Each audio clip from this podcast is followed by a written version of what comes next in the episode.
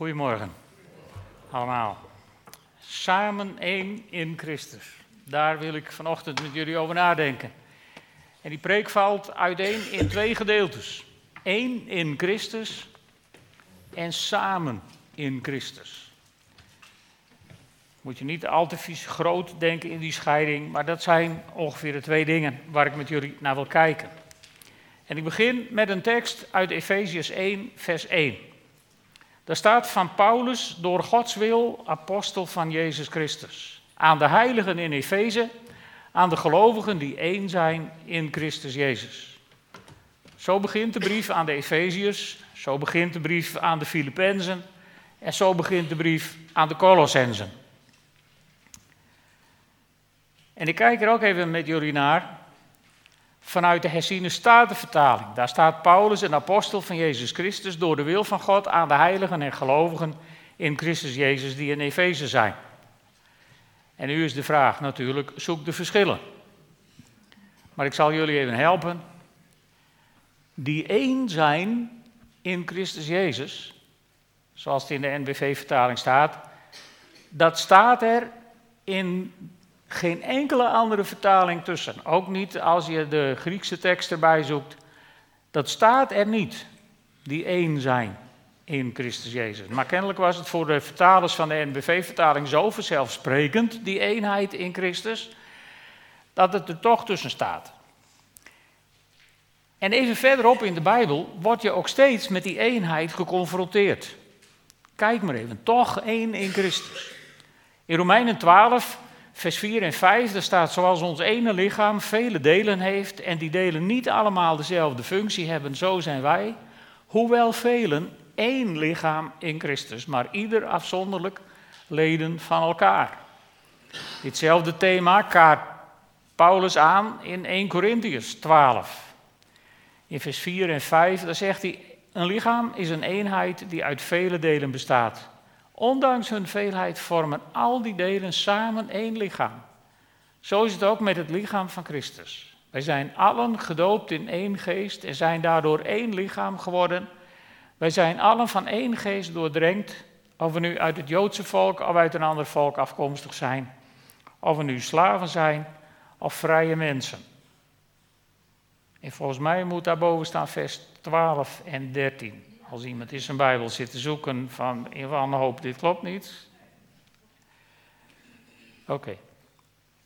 En nog één, uit Galaten 3, vers 28. Daarbij is het niet van belang dat men Jood is of Griek. Daarbij is het niet van belang dat men slaaf is of vrije. Daarbij is het niet van belang dat men man is of vrouw, want allen bent u één in Christus.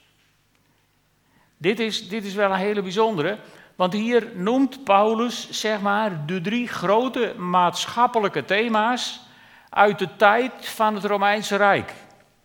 Er waren drie hele belangrijke dingen. Ten eerste was het in de jonge kerk heel belangrijk of je Jood was of Griek. Want daar was een groot onderscheid in die tijd nog. Het tweede wat heel belangrijk was in de maatschappij was of je slaaf was of vrije de twee klassen in de maatschappij. En het derde was, zeg maar, je seksuele identiteit. Of je man was of vrouw. Dat waren de drie grote scheidingen in de maatschappij.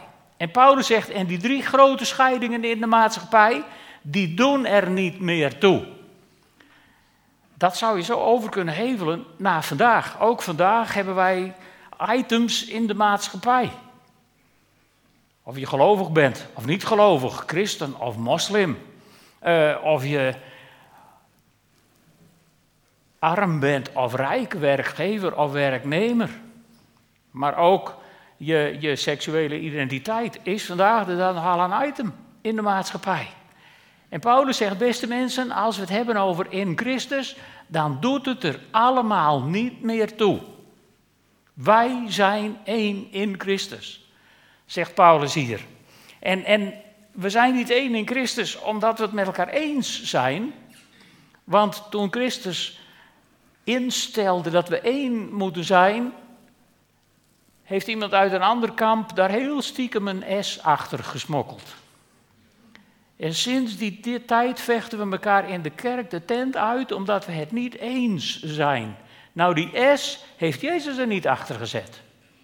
Nergens heeft Jezus gebeden dat we het eens zullen zijn.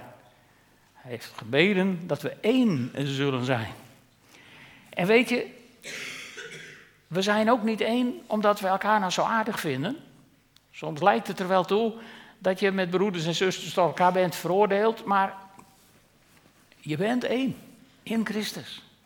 En als je dat gaat zien, dan ga je ook begrijpen waarom we één zijn. Want we zijn één omdat Christus ons allemaal in zichzelf heeft verenigd.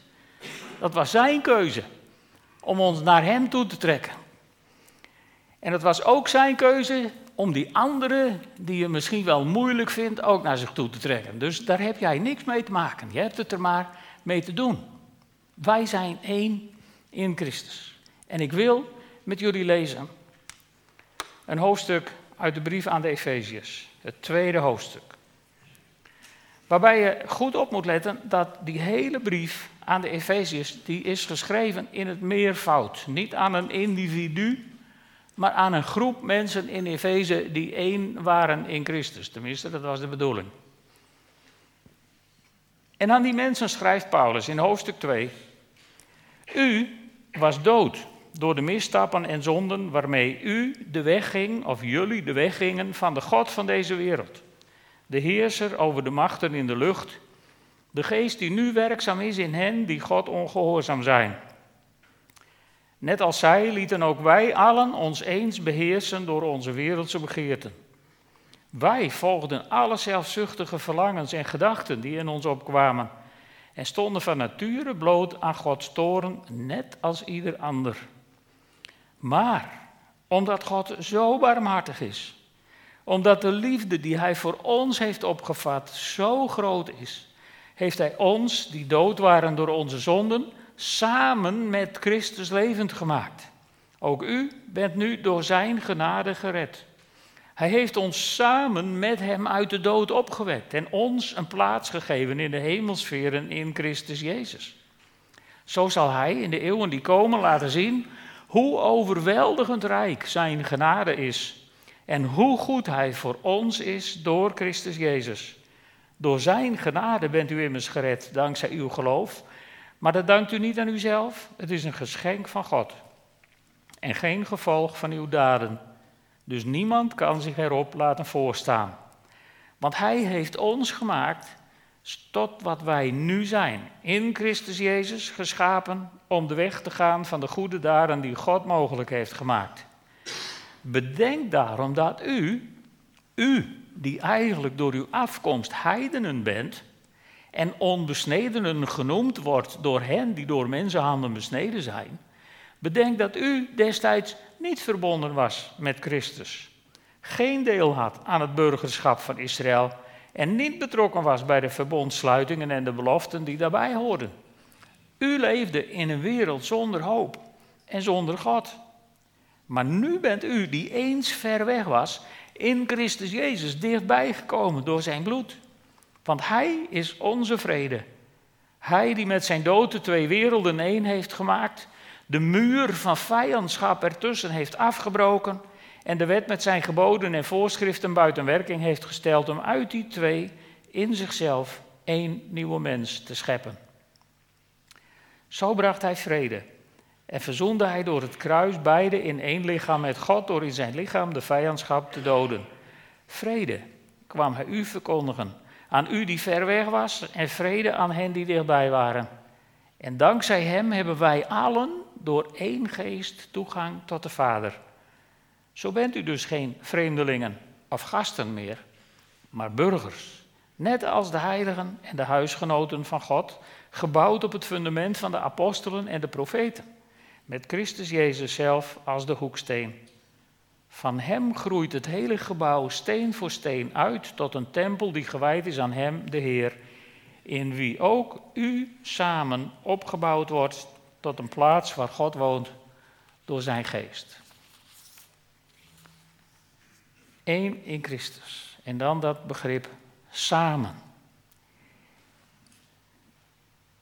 Dat hebben we gelezen, vers 4 tot 6. Maar omdat God zo barmhartig is, omdat de liefde die Hij voor ons heeft opgevat zo groot is, heeft Hij ons die dood waren door onze zonden samen met Christus levend gemaakt.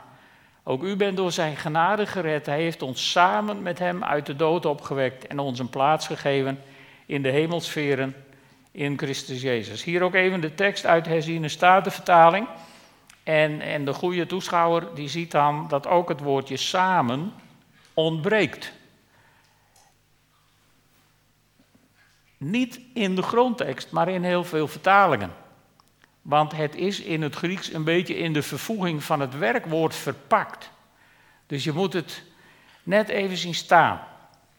Maar het woordje samen, dat is een heel belangrijk woord in dit verhaal. Want wij zijn samen met Christus levend gemaakt. En nu is het maar net, waar zet je de komma in deze zin? Want in deze tijd van individualisme zou je heel makkelijk kunnen zeggen: Ik ben samen met Christus levend gemaakt. En dat klopt, want je bent dankzij het offer van Christus levend gemaakt. Dat is zo. Maar je zou de komma ook net eerder kunnen zetten en zeggen van wij zijn samen met Christus levend gemaakt. Als gemeenschap. Als niet als, als los individu, maar als gemeenschap. Als, als groep mensen. Samen zijn we met Christus levend gemaakt. En dan wordt dat een hele andere zin. We zijn samen met Hem uit de doden opgewekt. Nou goed, het kan allebei. En het is me net waar je het neerzet. Maar wat ik hiermee wil, wil betogen is dat geloven geen privé-aangelegenheid is. Het is tegenwoordig in opkomst om te zeggen, nou geloven kun je ook wel thuis. Dat kun je ook wel zonder kerk. En dat kan wel, maar het is uitermate riskant. Vroeger werd dat vaak vergeleken met een kolenvuur. Als je daar zeg maar een kooltje uithaalt en dat leg je apart op een schaaltje, dan is over een uur is dat kooltje koud geworden. Dan is het vuur eruit. En, en ik weet niet hoe het jullie gaat, maar zonder jullie was bij mij het vuur er al lang uit geweest. Want soms heb je iemand nodig die eens even diep in de ogen kijkt, of iemand die soms eens even een schop onder je kont geeft, of soms iemand die gewoon eens even je even weer op je plek zet en je weer, weer, weer op gang helpt. Snap je wat ik bedoel? Je hebt elkaar nodig. En, en in principe maakt het niet eens zoveel uit of je nu in een katholieke kerk zit, of in een baptistenkerk, of in een gereformeerde kerk, of hier. Dat doet er niet eens zoveel toe, maar je hebt elkaar nodig. En als je dan een plek weet te vinden waar je denkt, nou hier voel ik me wel thuis, ja, dan ben je dubbel gezegend. Dan blijft het vuur aan en dan is het meestal ook nog leuk. Dus samen is zo'n groot sleutelwoord in het één zijn in Christus. Dat alle machten van de duisternis hun pijlen daarop hebben gericht. En de machten van de duisternis hebben in deze tijd, in onze maatschappij, een fantastisch begrip geïntroduceerd. En dat heet individualisme. Ieder voor zich. Ik kan het wel alleen. Ik heb recht op alles en ik heb met niemand wat te maken. En ook in de kerk is dat helaas binnengeslopen. We maken onderscheid en daardoor creëren we scheiding tussen gelovigen, tussen kerken. En, en, en ik zou je vanochtend dus willen vragen, hoe, hoe spreek jij over gelovigen uit andere kerken? Toen wij net uit de gereformeerde kerk in Pinkster waren gekomen, dan hadden we het vaak over, ja maar zij zijn zover nog niet, alsof wij wel zover waren. Hè? Maar die illusie hadden we toen nog. En, en, en een ander begrip waar, waar ik zeker toen ik net uit de gereformeerde kerk was, altijd ongelooflijk allergisch voor was, dat was dat die Pinkstermensen het zo makkelijk konden hebben over kerkjes spelen. En daar trokken ze dan een soort gezicht bij waaruit je kon afleiden dat dat niet zo goed was. En, en, en ik kwam net uit die kerk. Weet je, ik had in die kerk vooraan gestaan, beleidenis gedaan. Ik had in die kerk vooraan geknield met Geertje om, elkaar trouw te beloven. Over een paar weken, 50 jaar geleden. Ik heb drie keer in die kerk gestaan met een baby in mijn armen. En ik heb nooit één seconde kerkje gespeeld.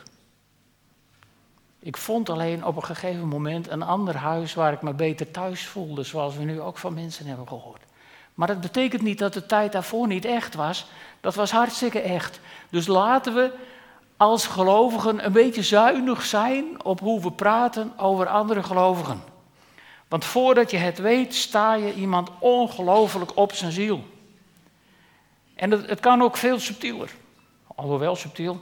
Maar een tijd geleden las ik in het Fries Dagblad een artikel over kerkmuziek. Het was van iemand die, die in een band speelde op een podium in een kerk. En die had het op een gegeven moment over het geloei van een orgel. En ik snapte wel wat hij bedoelde. Maar ik voelde ook in één keer van, nu sta je heel veel Fries Dagbladlezers op hun ziel. Want er zijn mensen die vinden een orgel wel mooi. En die vinden psalmen zingen bij een orgel wel mooi. En dat het jouw smaak niet is of mijn smaak niet is, dat doet er niet toe. Dus laten we een beetje voorzichtig zijn. Want weet je, het doet net zozeer als ik een artikel lees in een of andere krant van een zware gereformeerde predikant die het heeft over de gevaren van opwekking en de holle klanken van dat soort liederen, dan denk ik, ik heb hier nog nooit een opwekkingslied met holle klanken staan zingen. Waar hebben we het over? En waarom zouden we op die manier over elkaar praten? Wat voegt dat toe? Wat verbetert het aan de relatie tussen kerken om zo over elkaar te praten? Niks toch? Dus, dus laten we een wacht voor onze lippen zetten als we spreken over andere gelovigen. En laten we elkaar met respect benaderen en met waardering. Want in elke kerk waar op dit moment, of misschien al net afgelopen, kerkdiensten zijn hier in de wijde omgeving. In elke kerk, of het nu je smaak is of je smaak niet, maar in al die kerken wordt Jezus beleden. Misschien niet door iedereen, maar dat gaat jou niet aan. In elke kerk ga ik in mijn naïviteit vanuit. Gaat het over Jezus. Goed. En wat levert dat op? Dat, dat negatieve gedoe over elkaar. Dat levert muren op. Want wij hebben muren gebouwd. Weet je, Paulus refereert er al aan. In, in, waar was ik ergens? Hier. In Efeze 2, vers 11, daar zegt Paulus, daar heeft hij het over dat mensen onbesnedenen genoemd worden door hen. En dan heeft hij het over de Joden die andere gelovigen onbesnedenen noemen. En dat was geen compliment. Laat ik dat er even als toelichting aan toevoegen. Dat was een negatieve opmerking over andere gelovigen. En Paulus is daar ook negatief over in Korinthe, dat, dat je zo over andere gelovigen praat. Maar wij doen dat ook. En, en, Paulus die noemde dat Joods exclusivisme, hè, want wij zijn het volk van God en jullie niet. Nou, onze christelijke superioriteit is geen haar beter. Want kort daarna hebben we de vervangingstheologie uitgevonden en we zeggen, ja wij zijn het nieuwe volk van God en de Joden niet meer. Dat was net minstens zo zondig dan wat zij deden. En, en ik heb een heel mooi boek ooit eens gelezen en ik ben dat nu vol vuur weer aan het lezen. Het is een heel mooi boek, dat heet One New Man. Eén nieuwe mens. Naar die tekst uit Efeze 2 van Rouven Doron. Rouven Doron is een Joods-Messiaanse profeet. Uit het volk van God. Met een diep gewortelde kennis in het Oude Testament. Wat je eigenlijk alleen maar bij, bij Messias beleidende Joden vindt. Waarvan je denkt, die mensen zijn volgens mij geboren met de Torah in hun hoofd, want die, die halen er dingen uit. Maar hij is ook heel profetisch en, en, en hij is christen. En hij heeft het over die nieuwe mensen. En, en Ruben Doron die stelt van de vijandschap tussen het Joodse volk en de kerk, die in het begin van de kerkgeschiedenis is ontstaan, is de bron van al het sectarisme wat later de kerk heeft verscheurd en geplaagd. En daar kunnen wij wat aan doen. Want die muren die we gebouwd hebben in Efeze 2, vers 14, noemt Paulus dat muren van vijandschap. Die muren, die staan ons in de weg. Maar in datzelfde vers zegt Paulus over Jezus, hij die met zijn dood de muur van vijandschap heeft afgebroken. Dus wij hebben muren gebouwd, Christus heeft ze afgebroken en hier en daar zie ik zielige christenen die proberen om die afgebroken muren overeind te houden. Ik kan je bij voorbaat zeggen, dat is onbegonnen werk. Dat kan niet. Wij moeten het opgeven om die muren die Christus heeft afgebroken, om die overeind te willen houden. Die muren, die moeten weg. En dan gaat er gebeuren. Kijk, hier heb je die muren. Dan gaat er gebeuren wat Paulus schrijft aan de Corinthiërs. Dan ontstaat die ene nieuwe mens. In vers 15 daar zegt Paulus om uit die twee in zichzelf één nieuwe mens te scheppen. Dat is een beetje een lastige zin, want wie zijn die twee? Dat is niet een muziekgroepje van vroeger wat niet meer bestaat, maar die twee, dat zijn de Joden en de kerk van toen, uit de tijd van Paulus. En uit die twee, zegt Paulus, wil Jezus in zichzelf één nieuwe mens scheppen. Niet een mens, maar een mensheid.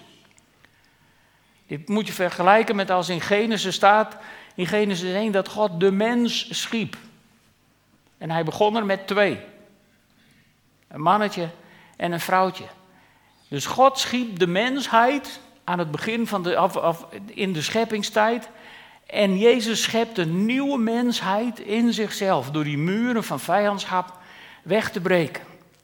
Een nieuwe mensheid, de gemeenschap der heiligen. En weet je, nu nog strijden sommige kerken over de vraag wie van hen nu de voortzetting is van de ware kerk. Eigenlijk moet je daar heel verdrietig om worden als je dat soort dingen leest. En, en ik wil daarin geen schuldigen aanwijzen, maar ik wil vanochtend een statement maken. En mijn statement is, wij zijn samen met alle heiligen op deze planeet de ware kerk. En we komen bij elkaar in groepjes. Zo. Volgens mij zit het zo. Dus niet één mens, maar een hele nieuwe mensheid. Een nieuwe kerk, de gemeenschap der heiligen. En dat is een gemeenschap die, die zoals je dat tegenwoordig in goed Nederlands zegt, under construction is. Die is niet klaar, die is in aanbouw. En weet je, in Psalm 102, daar moet je dan typisch een, een Joodse profeet voor hebben. In Psalm 102, daar staat: Het volk dat geschapen wordt, zal de Heere loven. En Roeven Doron zegt: Kijk, dat volk wordt nog geschapen. Dat is nog niet klaar. Maar dat volk kan intussen wel beginnen om samen de Heere te loven. Alleen niet allemaal tegelijk op dezelfde plek, want een band en een orgel door elkaar en opwekking en psalmen door elkaar gezongen, dat, dat is echt, dat is niks. Misschien vind je het hier ook wel eens niks qua muziek, maar dat is echt niks. Dus, dus daarom komen we apart bij elkaar, in groepjes. Dan kan ieder zijn eigen lied zingen bij zijn eigen instrument. Maar dat mag niet zo ver gaan dat straks iedereen alleen thuis zit met zijn eigen gitaar zijn eigen liedje te zingen. Hè? Dat, dat is wel dan het uiterste. Daar moeten we niet heen. Maar samen is heel erg belangrijk. En het volk dat geschapen wordt, zal de Heer loven. En geschapen worden, dat is, dat is niet onze activiteit. Geschapen worden, of je laten scheppen, is een keuze die je moet maken, die je mag maken. Want dat samen, dat is een belangrijke voorwaarde. In vers 22 zegt Paulus in wie u ook samen opgebouwd wordt tot een plaats waar God woont door zijn geest. En wij bouwen niet onszelf op, maar wij worden opgebouwd als we dat willen. Je kunt dat vergelijken met wat Petrus schrijft in 1 Petrus 2 vers 5. Laat u ook zelf als levende stenen gebruiken voor de bouw van een geestelijke tempel. Dus wil je je laten gebruiken? Stenen stapelen niet zichzelf in een muur, hè? Dat zou wel heel handig zijn, maar dan hebben de metelaars geen werk meer. Dus stenen stapelen niet zichzelf in een muur. Maar als je je wilt laten gebruiken als steen om te worden ingemetseld, dan word je op een gegeven moment bij je klannen gepakt. Als je pech hebt, wordt er ook nog een stukje van je afgeslagen. En dan word je besmeurd met vieze specie en dan word je in zo'n muur geduwd. Wil je je laten gebruiken als levende stenen, dan bepaalt de metselaar waar je wordt ingemetseld in de muur. Oh, ja, dus je ijzerpakket moet misschien een beetje naar beneden. Dat zou kunnen. En de vraag is dan, sommige mensen denken misschien, ja, pleit hij nu voor één grote kerk? Nou, ik, ik ga nog even naar Ron uit dit boek. Moeten we dan één kerk worden? De Ron zegt, nee, alsjeblieft niet. Hij pleit voor unity, not uniformity. Wel eenheid, maar geen uniformiteit. Geen grote grijze massa, maar juist dat die kleurrijke verschillen. Zoals in die bloemen, al die verschillen, dat boeket mooi maken. Hè? Als ik een verfspuit zou halen en ik zou het allemaal één kleur grijs geven, dan wil niemand dat boeket meer naar huis. Dus zo is het ook in het Koninkrijk van God. Wij mogen zijn zoals we zijn, met al onze variatie. En Roemen de zegt, God is zelfs helemaal lyrisch over die variatie. God houdt daarvan. Dus laten wij er ook van gaan houden. En, en laten we andere kerken, andere gelovigen met wederzijds respect accepteren. En weet je, daarin is hun keuze hun probleem. Onze keuze is ons probleem. En de rest hebben wij niet mee te maken. Willen we die keuze maken? En ik zeg je, als we over de restanten van die muren die Christus al heeft afgebroken, heen klauteren, dan wacht ons een fantastisch resultaat. Want, om te beginnen, is eenheid een voorwaarde voor het functioneren van de gaven. We hebben het uitvoerig over gaven gehad de afgelopen maanden. Dus je herinnert je misschien nog wel die drie groepen gaven. De motivatiegaven uit Romeinen 12 worden vergezeld met het verhaal over één lichaam. De uitingen van de geest of de gaven van de Heilige Geest uit 1 Korinthe 12 worden vergezeld door een verhaal over dat ene lichaam. En de gaven apostel, profeet, herder, leraar en evangelist in Efeze 4 worden vergezeld van de volgende tekst.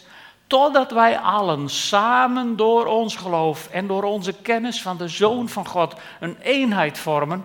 De eenheid van de volmaakte mens. En daar heb je weer diezelfde volmaakte mensheid die geschapen wordt van de tot volle wasdom gekomen volheid van Christus. Dus samen is een voorwaarde voor het functioneren van de gaven. En als we dat weten te vinden met elkaar, dan wacht ons een geweldige toekomst. Ik geloof met heel mijn hart en met heel mijn ziel in de kerk van Jezus Christus. En de kerk van Jezus Christus heeft een glorieuze toekomst als we elkaar weten te vinden en te respecteren.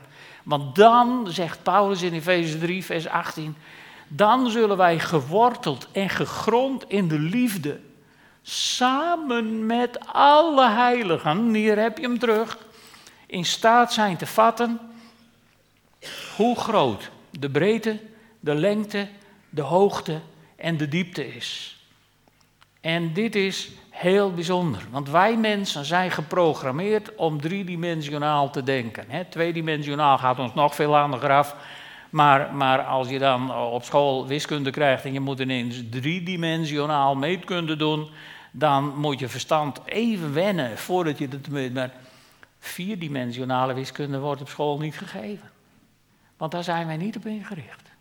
En Paulus zegt hier, je zult de hoogte, of je zult de breedte, de lengte, de hoogte en de diepte, maar dat is volgens mij hetzelfde.